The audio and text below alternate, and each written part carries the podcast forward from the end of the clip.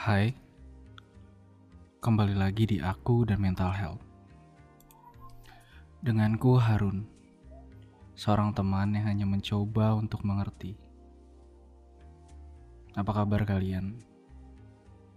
Semoga kondisi kalian saat ini sedang dalam kondisi yang baik-baik saja, atau aku doakan Semoga kondisi kalian saat ini adalah kondisi yang mampu membuat kalian bahagia untuk hari esok dan ke depannya.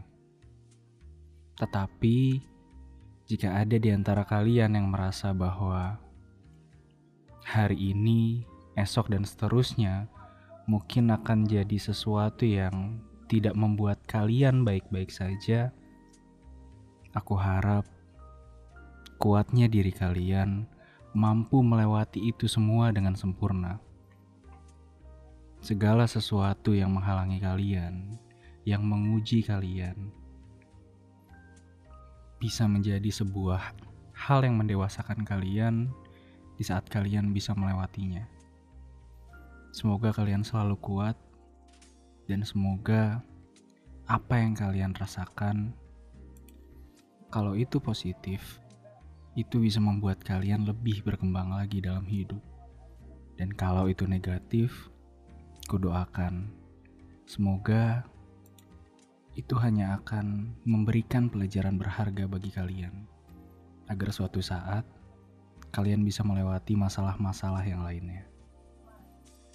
Ngomongin tentang masalah, aku mau bahas tentang sesuatu yang mungkin punya keterkaitan sama salah satu episode sebelumnya. Di episode sebelumnya aku ngebahas tentang susahnya jadi anak pertama. Gimana ngerasain sebuah sudut pandang tanggung jawab itu seakan ada di mana-mana. Bahkan anak pertama yang sudah mulai beranjak dewasa atau minimal yang remaja tapi sudah masuk fase remaja akhir. Rasanya tuh kayak kita melihat sesuatu itu bukan hanya hal-hal yang menyenangkan, tetapi berdampingan dengan seberapa besar risiko yang akan kita terima. Itu jadi pertimbangan kita terkadang untuk memilih melakukan sesuatu atau tidak. Nah, sekarang aku nggak ngebahas tentang anak pertama lagi, tapi yang namanya anak pertama, kalau dia bukan seorang anak tunggal, pasti ada juga yang namanya anak terakhir atau anak bungsu. Siapa di sini yang lahir sebagai anak terakhir atau anak bungsu? Aku nggak bisa dengar jawaban kalian, tapi saat aku bertanya seperti itu, aku yakin di dalam hati kalian, kalian merasa bahwa aku, aku anak bungsu. Pertama-tama aku mau bilang kalau anak bungsu itu adalah anak yang keren. Ya, anak yang keren. Kenapa? Karena anak bungsu adalah anak yang dilihat sebenarnya oleh orang lain dalam keluarga sebagai anak yang spesial. Spesial dalam artian rasanya itu sangat berbeda dengan kakak-kakaknya. Orang tua yang punya anak lebih dari satu, ia akan memberikan segalanya mungkin cenderungnya ya lebih all out kepada anak terakhir. Ya kebanyakan aku nggak bilang semua, mungkin ada yang nggak ngerasain itu karena faktor lain gitu tapi kalau aku sebagai orang tua dan juga berdasarkan saudara ataupun orang-orang yang udah pernah jadi orang tua dan punya anak terakhir, mereka selalu ngerasa anak terakhir mereka saat ini adalah sesuatu yang harus benar-benar ekstra diperhatikan gitu. Dengan kata lain aku mau bilang, enaknya jadi anak terakhir mungkin ngerasain privilege diutamakan, difokuskan, dispesialkan oleh orang tuanya atau bahkan oleh kakak-kakaknya gitu. Aku sebagai seorang kakak dari tiga bersaudara melihat adikku yang paling terakhir itu sebagai anak yang yang spesial. Bukan hanya karena kami berbeda umur yang cukup jauh ya, sekitar 14 tahun. Tapi karena aku ngerasa adikku yang terakhir ini punya segudang potensi yang aku rasa suatu saat dia bisa melampauiku gitu. Tapi terkadang muncul rasa khawatir. Rasa khawatir kalau ia akan jatuh ke lubang yang sama seperti yang dialami oleh kakaknya yang pertama ini.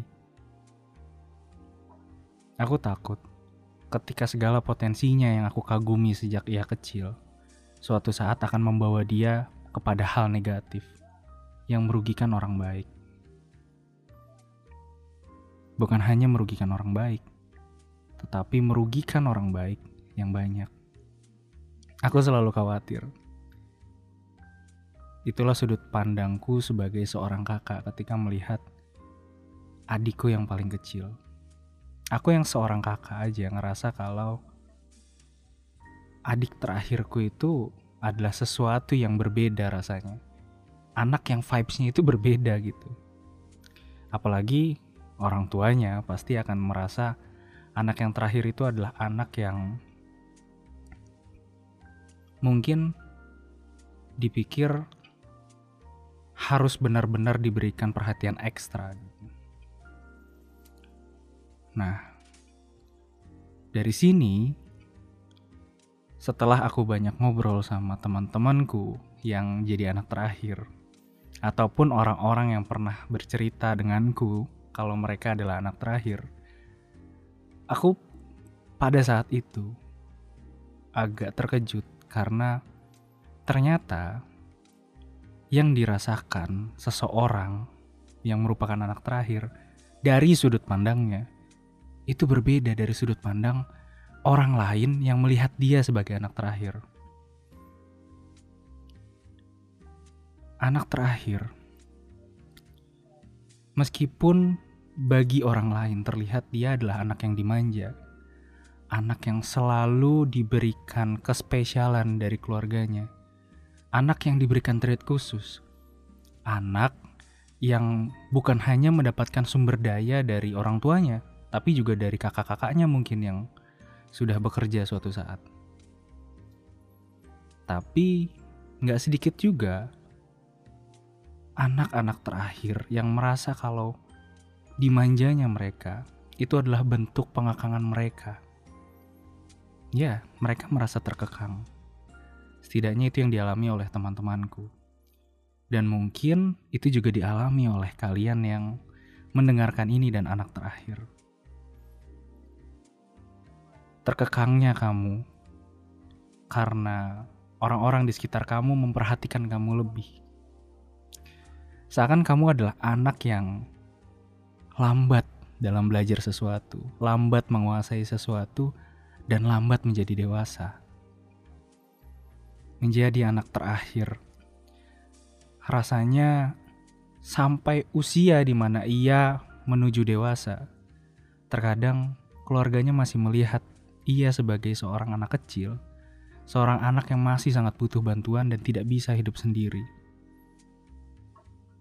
Ternyata itu yang kalian rasakan. Pada awalnya ketika orang-orang ini bercerita tentang mereka. Ketika aku tahu tentang hal ini, mungkin awalnya akan terdengar kalau aku tuh kasihan. Tapi aku salut. Salut dengan anak-anak terakhir yang pada akhirnya terus berjuang dan juga ketika aku melihat teman-temanku yang sudah bisa meraih mimpinya, itu membuatku semakin kagum. Bagaimana nggak kagum? Seseorang yang secara alamiah, secara alamiah mungkin diperlakukan sebagai seseorang yang tidak bisa melakukan apa-apa, seseorang yang terlihat seperti anak kecil terus. Pada akhirnya, ia bisa melawan stigma itu dan terus berjuang untuk jadi apa yang dia inginkan. Aku yakin itu bukan perkara yang mudah menjadi seorang anak terakhir. Yang ketika remaja dan dewasanya masih dilihat sebagai anak kecil. Yang kebisaan dan bakatnya tidak dihargai dan terkesan sebagai hal yang remeh bagi orang lain. Begitu salutnya aku terhadap anak terakhir, yang mana mereka mampu menghadapi tekanan. Tekanan yang mereka alami, yang di mata orang lain, tekanan itu adalah sebuah privilege, sehingga akan sulit bagi orang lain berempati kepada mereka. Anak terakhir, anak yang mungkin terkadang dipandang sinis dan menjadi objek iri hati dari kakak-kakaknya karena merasa diperhatikan lebih. Padahal mereka tetap dapat porsi berjuang untuk bisa jadi seperti yang kakak-kakaknya capai atau bahkan melampauinya. Anak terakhir, begitu salutnya aku kepada kalian karena kalian terkadang rela menjadi satu-satunya dalam keluarga yang harus menunda mengejar mimpi kalian demi menjaga keluarga yang tersisa di saat para kakak telah pergi meninggalkan rumah untuk membangun keluarga yang baru. Aku salut pada kalian anak terakhir anak bungsu atau apalah namanya. Yang mana di balik privilege yang orang lain pikirkan, kalian ternyata menahan sesuatu yang kalian ingin hempaskan dengan ikhlas. Karena terkadang sang kakak merasa bahwa ia adalah orang yang paling mengalah dalam keluarga. Tapi ternyata sisi mengalah kalian juga tidak kalah besarnya. Terima kasih. Tetap semangat para anak bungsu, para pencapai mimpi keluarga yang lahir terakhir. Terima kasih telah mendengarkan episode kali ini. Jangan lupa dengarkan di Spotify, follow dan share kalau kalian ngerasa apa yang aku sampaikan bisa bermakna bagi kalian dan juga orang-orang terbaik dan tercinta kalian.